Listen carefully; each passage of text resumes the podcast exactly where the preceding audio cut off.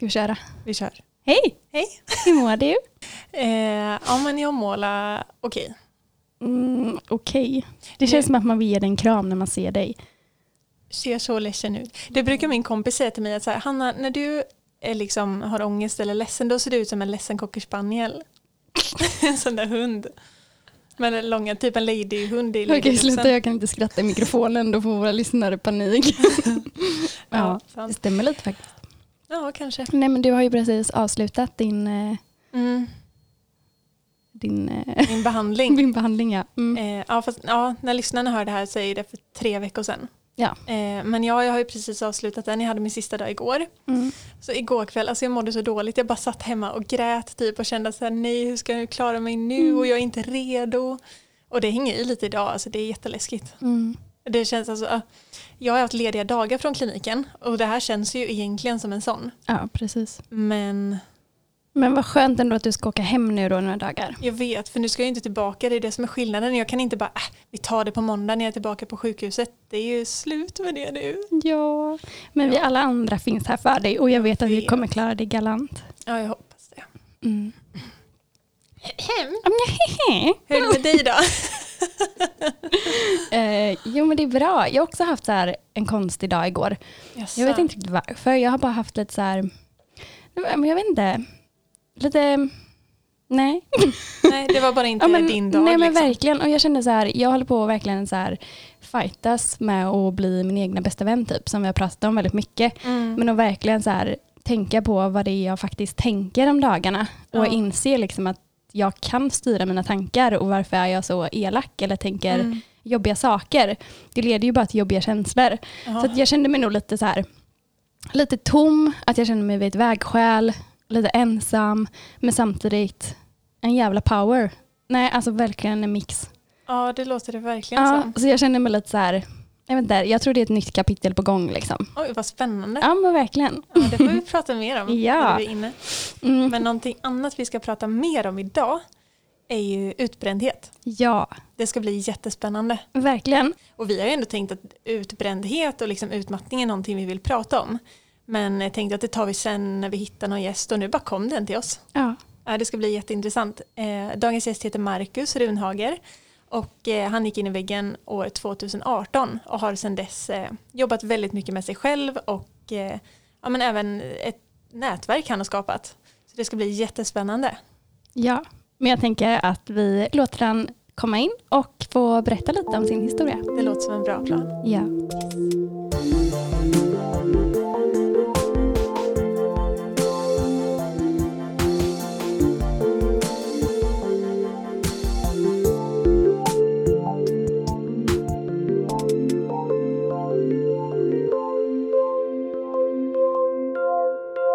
Hej Marcus! Hej! Hej! Gud vad kul att du är här. Ja, jättekul. Du har ju åkt ända från Jönköping Mm. och kommit jag har hit. suttit och sjungit i bilen hela tiden. Ja, Håkan det, Hellström hela vägen. Bara Nej, för jag visste att du Håkan? gillade Håkan. ja, det är klart. Valborg givetvis. Ja, det är ju valborg idag. Mm. Mm, har du några planer ikväll? Nej, det blir att åka hem. Det blir att åka hem. Nej, vi har inga, inga planer direkt. Eh, Det blir ganska lugnt. Det känns inte som att det är så mycket längre. Nej, men det kanske blir lite mer sen när man får barn igen, att man går till någon brasa eller så. Jag Ja. vet inte, men jag känner inte att det är valborg. Nej, men det, alltså, vi pratade om det hemma. Valborg har aldrig varit... Jag tror aldrig jag har festat på Valborg. Nej. Vi har liksom, när vi har eh, haft kul så har det varit påskafton istället. Aha. Hemma så har vi påskelden och ingen eh, Va? Valborgs brasa. Jaha. Så eh, jag sa det till min fru, det där är bara knäppt. Påskafton ska det vara, då är det påskelden liksom. Ja men det beror väl lite på vart man kommer ifrån då. Ja, antagligen. Ja, Men vilken tur för oss att du kunde komma hit idag istället. Mm. ja verkligen. Jättekul. Eh, kan inte du berätta lite kort om vem du är så att vi får ett hum? Mm. Eh, Marcus Runhage då, eh, född 92, så 28 år i år. Eh, brinner för att prata om psykisk ohälsa och det var ju därför jag hittade eran podd. Eh, brinner också för att prata om personlig utveckling och nätverkande och gillar försäljning. Är eh, gift med min hustru då som man har lärt sig att säga nu, eh, Magdalena och bor i, i vår lilla lägenhet i Jönköping. Men hur kom det sig att du började brinna för just psykisk ohälsa? det var ju för att jag gick in i väggen 2018 och fick genomgå en resa och lära känna mig själv och inse att det här är någon, att det är ett utbrett problem som man mm. borde prata mer om och då har jag sedan dess brunnit för att prata om det. Mm. Men visst är det ganska lite omtalat med just att gå in i väggen? För det, alltså, psykisk ohälsa har ju börjat växa lite och man pratar mycket om ångest och depression. Men det känns som att just att bli utbränd, liksom, att det inte pratas lika mycket om. Är det inte så? Jo, men så är det nog. Och det, det har jag uppfattat att många tycker om, att man pratar om det. Mm, det är jätteviktigt. Ja, nej, men det är väl för att det är liksom eh, det, det är som press ja. Eh, på folk idag och det är press att man ska leverera det perfekta livet inom situationstecken. Ja. Och jag tror att många eh, är nog rädda för att visa sig sårbara och därför pratar man inte så mycket om det utan man kanske pratar bara med de nära. Ja, nej men det är väl lite som, det är ju tabu som, som all annan psykisk ohälsa. Mm. Och sen blir det väl lite extra att, så att, att det blir en eh, sån här skamstämpel att det är så här, oj klarade du inte av högt tempo eller? Att, det, att man känner sig lite dålig att man inte fixar sånt som kanske andra fixar. Eller så. Ja, men det är väl så många ser det ja. tyvärr. Att eh, många tänker nog att det är en svaghet kanske. Medan eh, jag och många andra som jag har pratat med som har genomgått samma problemet är oftast att man är kanske överambitiös. Ja. Man vill lite för mycket eh, helt enkelt så att man, man krigar på lite mer än vad man egentligen orkar. Ja, pusha sina gränser liksom. Mm. Mm. Ja, det tror jag också. Det känns lite som att det är inne att göra, eller att man ska ha mycket att göra. Nej tyvärr, jag kan ta det här mötet för jag ska göra det här och det här och det här. Gud, och det här och det här och det här. Ja, så det känns som att det är så ett orealistiskt ideal vad som är friskt. Eller vad man ska säga. Och när var det vi pratade om det någon gång? Att eh, det ska vara så himla trendigt att man ska gå upp vid fem på morgonen och man ska ut och springa och sen ska man göra det och sen ska man göra det. Och att det, det är coolt att ha ett så fullspäckat schema som möjligt. Ja, och det det är många jag träffar som som gör så. Ja. Och går upp fem, sex, ut och springer och, och sådär. Och det funkar säkert jättebra men för mig eh, funkar det inte. Det känns som att det är en sån sak som funkar ett tag. Ja. Och sen blir det nog kanske för mycket. Ja. Att man klarar av det en period men sen blir det inte hållbart i längden. Nej, precis.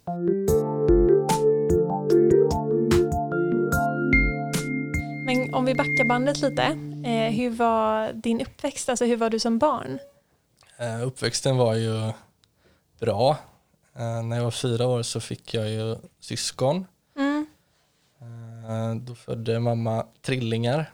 Nej, men så att, och det, det var ju väldigt speciellt. Och för, för mig blev det en väldig omställning från att varit första enda barnet till att helt plötsligt vara fyra. Ja. Och, lite så har väl mamma och pappa sagt att utan att det var meningen så kom jag ju lite bakom liksom. För ja. Det är klart, alla vill kolla på trillingarna. Tre mm. små söta bebisar liksom. Men, men barndomen eh, var bra. Eh, mamma och pappa och mina syskon och jag har alltid varit jättetajta och haft roligt ihop. Mm. Eh, så familjesituationen så har varit superbra. Däremot så har väl jag varit ganska osäker egentligen hela min uppväxt. Vilket eh, var en av de delarna som jag idag vet påverkade att jag sen gick in i väggen. Dålig självkänsla och eh, alltid velat vara cool eh, sådär. Mm. Eh, jag har ju hållit på med idrott i hela mitt liv, spelat fotboll och, och innebandy. Okay. Eh, och där var man ju, alltså där är ju ganska så macho kultur i, i omklädningsrummet och sådär. Så mm. där skulle man vara lika tuff som alla andra och skrika i omklädningsrummet och, och så. Och likadant i skolan så där, man skulle ha de coolaste kläderna och eh, man ville vara den som tjejerna tittade mot och, mm. och sådär. Och jag kände mig väl aldrig riktigt bekväm så kanske. Jag var, jag var ganska blyg när jag var liten. Och, eh, fotbollen var väl egentligen det enda, där kände jag mig trygg och bekväm. Hemma kände jag mig trygg och bekväm, men annars så kände jag alltid att nej men, ah, han har en snyggare tröja än mig och eh, ja, han var snabbare än mig på idrotten eller eh, mm. ja, de går där och jag får stå här och kicka med min boll. Liksom. Så man, man kände sig alltid lite så här, ah, aldrig riktigt nöjd riktigt. Mm. Och jag vet inte om det grundar sig någonting i när mina syskon föddes, Att jag blev liksom lite Mamma och pappa har varit jättebra liksom och mina syskon och, och allihopa men jag blev lite bakom. Så att där någonstans tror jag det föddes något, någon form av bekräftelsebehov att nej, men jag vill vara i centrum nu och var jag inte det så kände jag att nej, men jag är inte lika bra som de andra. Liksom. Och eh, där någonstans så började jag väl må ännu sämre. Eh, jag vet egentligen inte riktigt varför. Nej. Svårt att förklara men jag tyckte inte jag var tillräckligt bra och jag tyckte det var svårt. Jag varit väldigt osäker i, i situationer hela tiden. Skulle man stå framför klassen så eh, då kunde jag börja gråta liksom innan jag skulle gå till skolan och, och sådär. Mm. Jag trodde väl kanske inte att jag var tillräckligt bra helt enkelt. Alltså jag känner igen mig så mycket i vad du berättar. Det, och dels så brinner jag ju väldigt mycket för den frågan, så här, att, att man inte behöver ha en brytpunkt eller en liksom klar anledning till att därför mår jag dåligt. Eh, för jag har precis som du haft en jättebra uppväxt, mm. eh, haft det jättetryggt hemma med familjen, det har aldrig hänt någonting, allt har varit bra, men jag har alltid tyckt lågt om mig själv, varit väldigt osäker och sen bara mått dåligt utan att kunna säga varför. Så jag relaterar jättemycket till vad du säger. Ja, Nej, men det, det är ju lite knepigt så, för jag kommer mm. ihåg att mm. mamma och pappa undrade också väldigt mycket, har vi gjort något fel? Liksom? Men det, det, var inte så, det var väl någonting i mig själv bara som var, mm. Jag behövde kanske någon stöttning på vägen som inte, mamma och pappa var som sagt jättebra, men mm. Eh, det kanske var något annat. Eh, kanske ja. hade behövt gå och prata med någon annan eh, i ganska tidig ålder egentligen. Mm. Och jag minns att det var till och med eller det hände några gånger sen att vi fick gå, jag, mamma och pappa till BUP heter det väl. Mm. Att jag hade slängt ur mig hemma att jag inte ville leva och sådär. Eh, men då, det kan jag ju känna idag att det var, det slängde jag nog mest ut för att jag ville att mamma och pappa skulle säga till mig att nej men eh, det är klart att du inte ska för du, du är så bra liksom. Men jag kände mig så. Men ville få en reaktion? Typ. Ja, jag tror det var mm. lite så snarare än att jag faktiskt var på väg att, att göra det. Mm. Och eh, går man vidare ännu längre sen till gymnasiet så, så följde det väl med där också och det gjorde ju att istället för att stå framför klasskamraterna i skolan så började jag skolka eh, och blev, blev den här killen som inte kom till skolan. Mm. Jag hade fortfarande mycket kompisar och sådär i, i skolan också. Men jag var så skraj för att eh, skämma ut mig tror jag i, i klassen och säga fel och sådär. Man, man ville vara tuff liksom. Det var som jag tror många känner att man, eh, man försöker och man försöker och man ska vara övermänsklig hela tiden men det går ju liksom inte. Det tror jag är en av de vanligaste anledningarna till att unga mår sämre och sämre. Att man jämför sig så mycket med andra och man ska alltid mm. vara så himla bra och man ska ha det senaste och man ska vara men man ska vara så mycket liksom. Ja. Gud ja, och nu kan man ju liksom jämföra med alla på olika sociala medier och Instagram och förr kanske det bara var sin klass och parallellklassen och nu är det så himla brett. Ja, precis. Och det var, eh, ja, jag mådde lite halvtaskigt egentligen hela, hela den tiden. Sen mm. var det inte så att det syntes så mycket utåt. Visst, jag skolkade men det, det fick man ju nästan att framstå som att jag var lite cool istället. Cool sådär. Så att mm. jag sket i att komma till skolan och gjorde något annat, gjorde något annat istället. Ja. Uh, och sen är, väl, är det väl först nu senare när, det, när man har blivit vuxen och insett att saker och ting har bara byggts på liksom. Så att från att vara småsaker egentligen, många småsaker blir till slut någonting större och sen så mm senare så small det in i väggen. Då. Många bäckar små. Mm. Mm.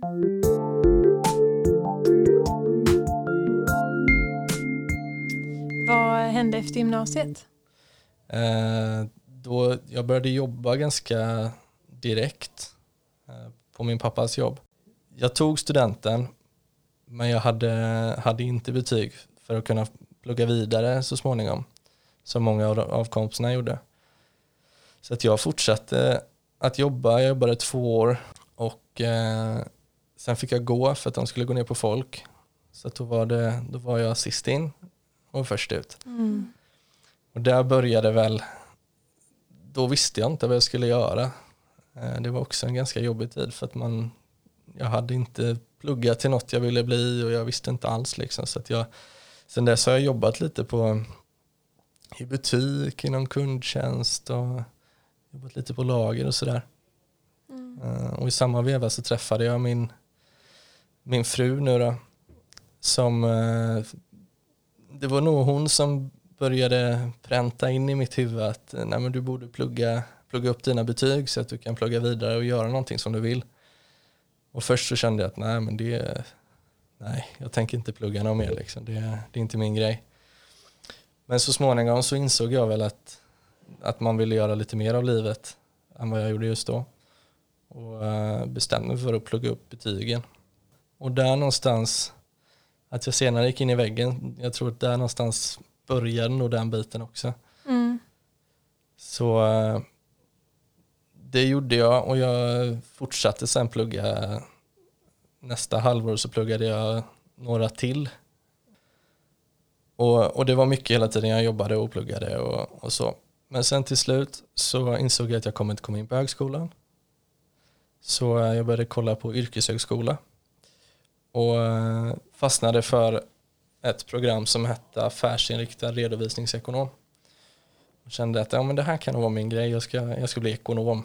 Jag ska okay. sitta med kavaj och, och uh, se bra ut på ett fint kontor. Uh -huh. Och jag började väl känna där att nej, men det här, är det verkligen min grej? Ja, jag får liksom ändå fortsätta och göra klart utbildningen för att nu har jag ändå påbörjat den. Och sen så lyckades jag få jobb då på eh, en stor revisionsbyrå och redovisningsbyrå. Och då hade vi uppsatsen i skolan. Och eh, det blev aldrig riktigt bra där. Jag började och den som skulle lära upp mig slutade efter det var två veckor. Och de hade räknat att jag skulle vara där två veckor men det var ju bara det att då hade jag ju skolan också. Så att vi kunde inte vara där två veckor så att när han slutade så hade jag inte lärt mig allt. Mm. Och eh, sen så skulle jag ta över alla hans kunder som han hade haft i sex år. Och jag kunde ju inte riktigt allt. Oj. Så att det blev ju en stress. Och det blev att man fick jobba mer än vad man skulle göra. Mm. Just att jag hade skolan. Så att det slutade med att man både hade uppsatsen men också kunde sitta och jobba från 07 eh, till 23. Eh, mm. Och eh, hela den våren där, 2018, gick jag på knäna egentligen. Ju längre det gick så började jag gråta när jag skulle till jobbet och min fru sa ju till mig att du är ju inte med liksom i matchen, du, du lyssnar inte när jag pratar och du, du pratar inte med mig för det enda du tänker på det är jobbet liksom. Och det var för att jag kände det trycket från jobbet. Att jag var tvungen att lösa grejerna. Om jag så skulle sitta uppe hela natten så, så fick det bli så. Och jag hade ingen energi till att göra något annat på helger eller kvällar heller. Utan det, var, det tog all tid. Och eh, framåt sommaren så blev det alltså alldeles för mycket.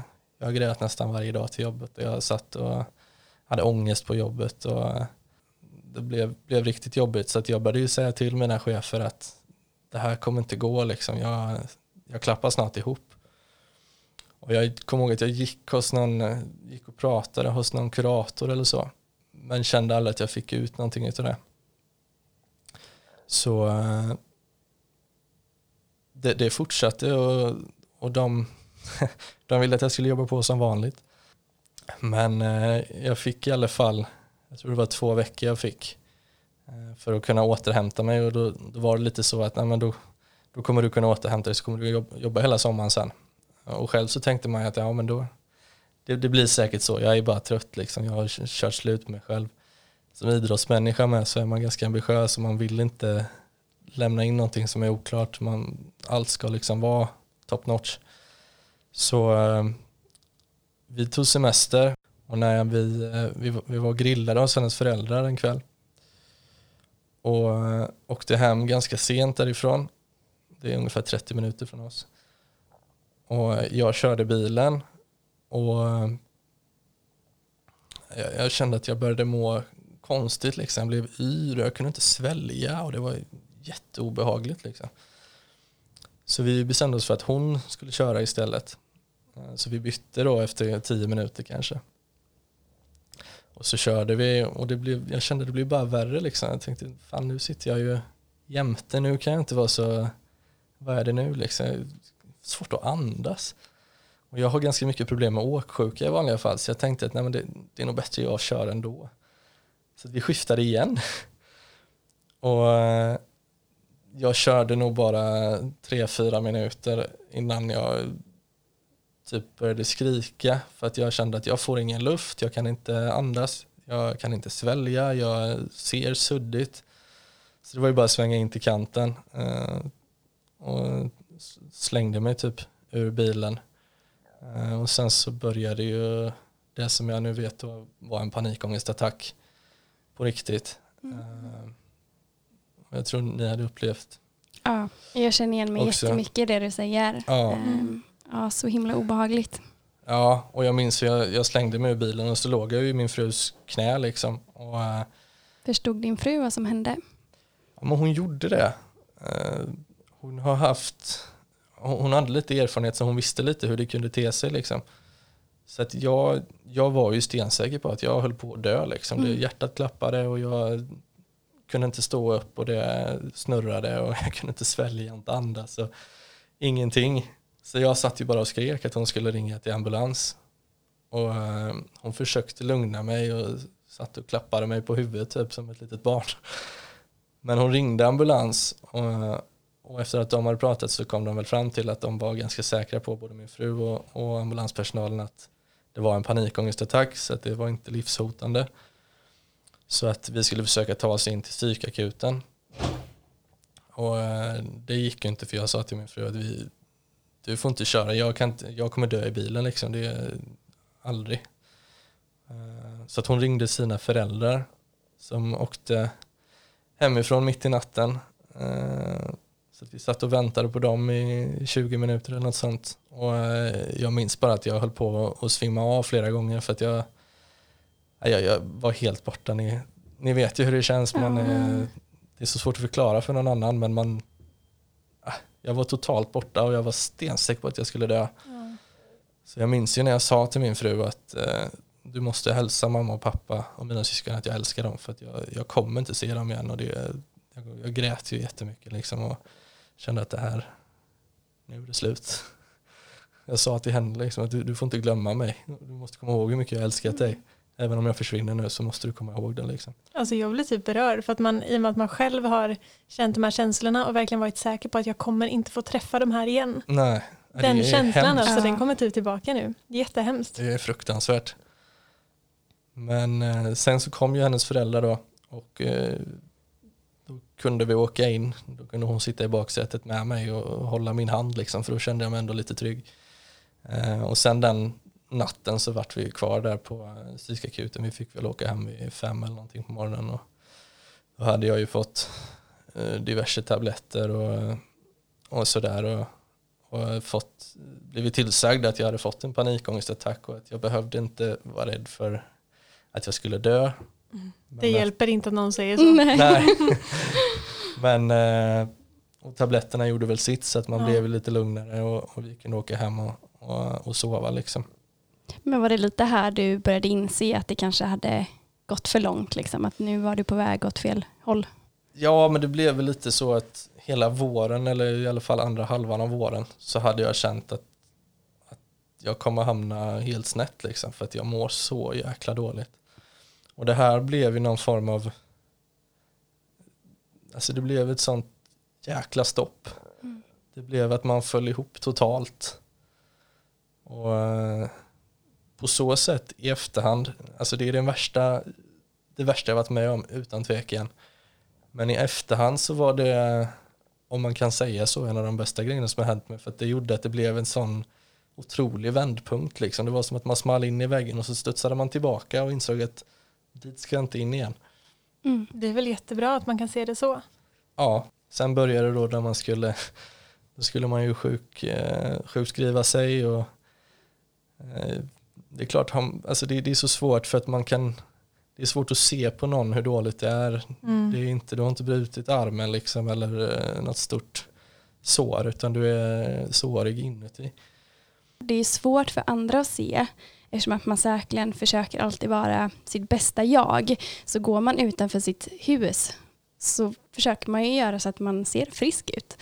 Man vill ju inte visa att man inte klarar det. Nej. Som man har tagit för sig liksom. Nej, så var det ju. Mm.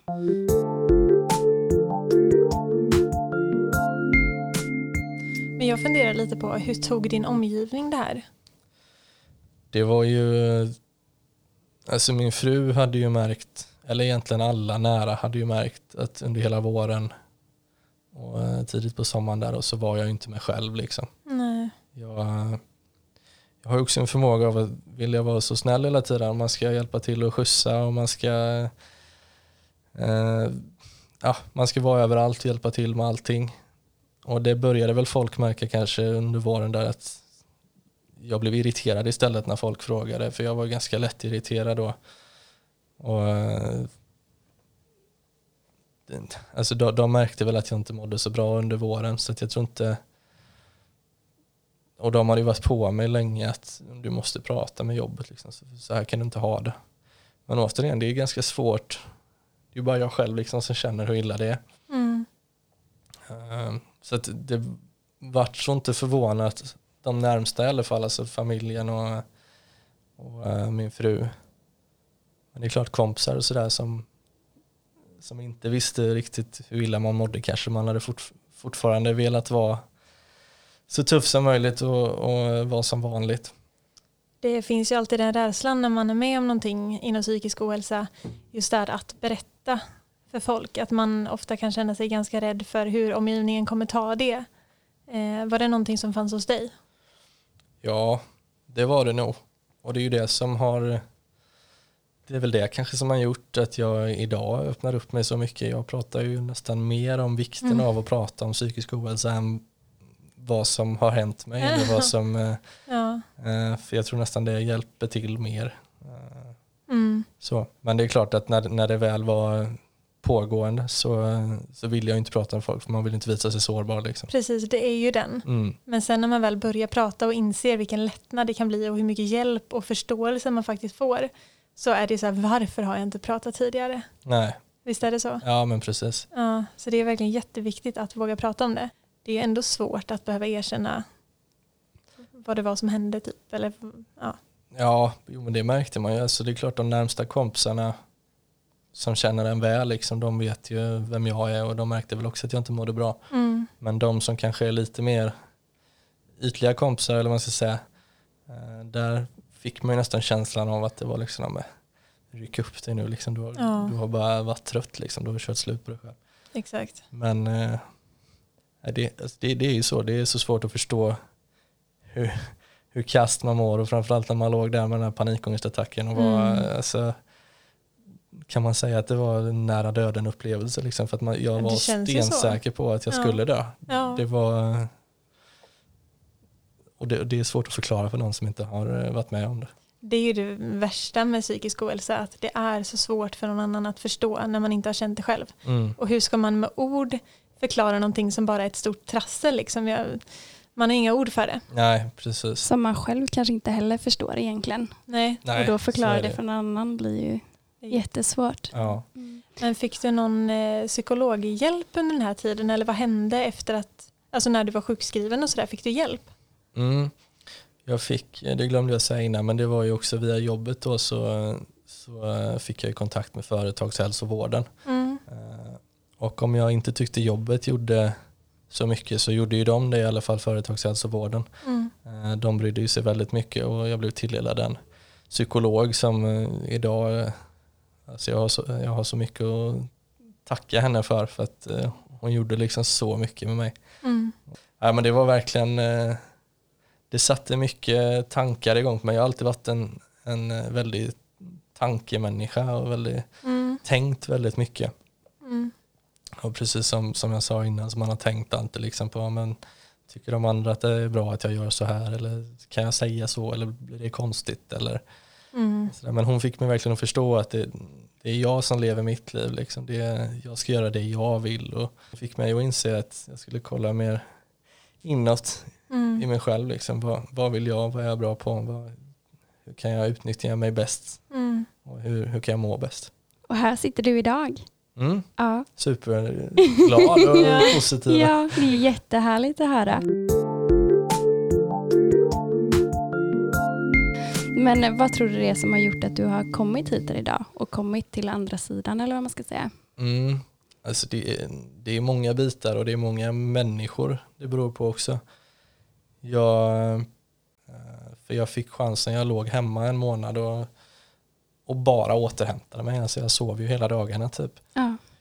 Men jag återhämtade mig också ganska så snabbt ändå. Och i och med att jag kunde släppa jobbet, för det var ändå jobbet som var värst då, när jag blev arbetsbefriad, så visste jag att jag behöver inte gå dit igen. Då, då lyckades jag också släppa den här otäcka känslan ganska snabbt. Eh, så en månad eller två månader så, så bara återhämtade jag mig. Men sen så kände jag att nej, men nu är jag hemma en månad. Jag har ändå ganska mycket energi. Jag kommer behöva hitta ett nytt jobb här snart, eh, inom en månad. Och eh, då började jag ju hänga på LinkedIn då. Ja. Eh, som sen blev, eh, som har gett mig otroligt mycket. Jag, jag insåg ju där att där kunde man ju möta människor som var sjukt inspirerande. Och, vi som inte är så insatta i LinkedIn, vill du berätta lite vad det är? Ja, men det är ju som, alltså det är ju en plattform nästan som Facebook fast den är mer arbetsrelaterad. Okay. Mm. Så mitt mål var ju då att jag skulle söka jobb därigenom och lägga ut eh, att jag sökte jobb. Ja. Och eh, någonstans i samband med det så, så eh, fick jag något mail om att jag kunde vara med i något webbinar och lära mig mer om LinkedIn. Och då tänkte jag att nej, jag, ligger ju, jag ligger ju hemma liksom i sjukskriven så det har jag ju tid att göra. Så då låg jag i, i sängen och kollade på det och kände att ja, men det, här, eh, det här går ju att använda. Liksom. Så att jag började eh, bygga upp mitt nätverk på, på LinkedIn och connecta med människor och var ganska ärlig med vad som hade hänt mig för jag kände att det är ingenting att hymla med. Liksom. Det, det tillhör mitt liv och det är en del av mitt liv och det är en del av det som har gjort att jag är den jag är nu. Um, och jag insåg ganska snabbt att det fanns många som har upplevt samma saker. Och, uh, det, det blev ju också någon trygghet på något vis. Både psykologen som jag gick till men även alla människor som jag lyckades få kontakt med på LinkedIn och senare sen i, i verkligheten också när jag började nätverka i verkligheten. Och då lärde man känna folk som man inte hade träffat annars. Så imponerande när du ändå har berättat här nu för oss att du ändå har varit rätt osäker med att prata inför folk och så ja. i skolan och sen komma ut och gå på sådana mm. tillställningar. Det kan jag själv känna skulle vara väldigt roligt och givande men otroligt nervöst. Ja, ja men det, alltså jag har alltid varit ganska social så men jag har varit så rädd för att göra fel så jag tror det är det som har varit problemet mm. och det mm. tror jag min psykolog hjälpte mig med också. Att eh, vad är det värsta som kan hända? Ja. Jag kanske gör fel men då får jag en erfarenhet Exakt. av det och så lär jag mig av det. Så. Nej. Nej. Gud vad skönt att landa i det. Det är superskönt. Mm. Alltså det är, hitta sig själv på något vis, det är det skönaste som finns. Ja. Mm. Nu mår man ju bra i sig själv och eh, kan verkligen vara sitt bästa jag. Vilken vändning. Mm. Det, som sagt, det var det värsta jag upplevt men det var också på något vis det bästa som har hänt mig. För det gjorde ja. att jag fick, jag fick en riktig, en riktig vändning som gjorde att jag tänkte om och ändrade eh, både tankar på många saker och fick perspektiv på saker och ser på väldigt många saker på ett annat sätt idag än vad jag gjorde tidigare. Och det är jättefint, men jag blir bara så himla ledsen när man hör det här hur man pressar sig själv så långt och hur man mm. har andra pressfaktorer på sig också från utomstående. Det är, det är bara så himla sorgligt. Ja. Egentligen skulle alla gå och prata med någon för det, det är mm. otroligt nyttigt. Liksom. Men eh, hade jag som 14-åring eh, kommit till de här insikterna jag har idag så eh, mm. Det borde vara som att gå till tandläkaren. Ja men verkligen. Ja. Mm. En regelbunden kontroll bara. Hur står den psykiska hälsan till? Mm. Ja. ja. Men vad skulle du säga, för jag tycker det är väldigt fint det här att du lyckas hitta någonting positivt mitt i allt som är ganska jobbigt och negativt egentligen. Men vad skulle du säga är den största lärdomen du har fått genom allt det här? Ja, men den största lärdomen är nog att, eh, och den har inte kommit kanske just av att jag mådde dåligt, utan snarare efteråt, men lärdomen att, att våga ta för sig och inte vara rädd för att misslyckas. Alltså, jag mådde dåligt för att jag var rädd för att misslyckas. Mm. Idag inser jag att det är inget fel med att misslyckas. Det är snarare bra med att misslyckas. Det, alla misslyckas någon gång. Och det lär man sig av och då kan man göra något bättre av det nästa gång. Mm. Hade jag inte pratat om vad som hände mig från första början så hade jag inte suttit här idag. Nej. Hade jag inte gått på nätverksträff så hade jag inte fått så oerhört många nya vänner som jag har fått som, som lär mig så sjukt mycket. Och hade jag inte vågat höra av mig till mina idoler som jag idag har blivit kompisar med liksom, eh, på grund av att jag har varit ärlig och öppen och vågat visa mig sårbar och berättat för dem vad jag har varit med om. Och, och då är man ärlig och öppen och sårbar så, så öppnar ofta andra också upp sig. Mm. Ja, det blir lite som en så här domino. Att gör en det så gör det en till och sen är det en till. Mm. Det är jättefint.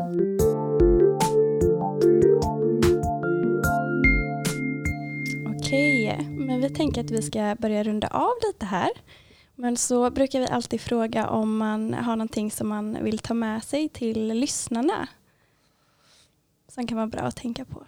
Ja, alltså jag skulle väl vilja säga att dels var inte rädd för att misslyckas, för misslyckas gör alla. Liksom. Det är okej okay att misslyckas. Mm. Det är okej okay att inte vara bäst på allting. Och eh, likaså det här kring att prata om psykisk ohälsa, för psykisk ohälsa finns ju i så många olika former. Och, eh, jag kan ibland känna så här att men varför ska jag prata om detta för att det är så många som har varit med om så mycket värre saker. Men eh, det finns ju nästan troligtvis alltid någon som har varit med om samma sak som dig och mm. eh, det finns alltid folk som har varit med om värre och folk som har varit med om, om mindre saker men det kan ju ha satt sig lika hårt för den delen. Eh, så att våga prata även om, eh, om du tycker att det är smått eller stort, mm. våga prata om det. Och, eh, ofta så öppnar du upp dig själv så, så ger det också möjligheter för framtiden. Våga tro på framtiden och våga, våga hoppas på dina mål och, och jobba för dem. Det var väl väldigt bra avslutande ord. Verkligen. Tack så jättemycket. Tack ja, verkligen. Vi har, det har varit så inspirerande och eh, stor eloge till dig som bara gått igenom allt det här. Och eh, tack så jättemycket att du ville vara med och gästa oss. Tack för att jag fick vara med.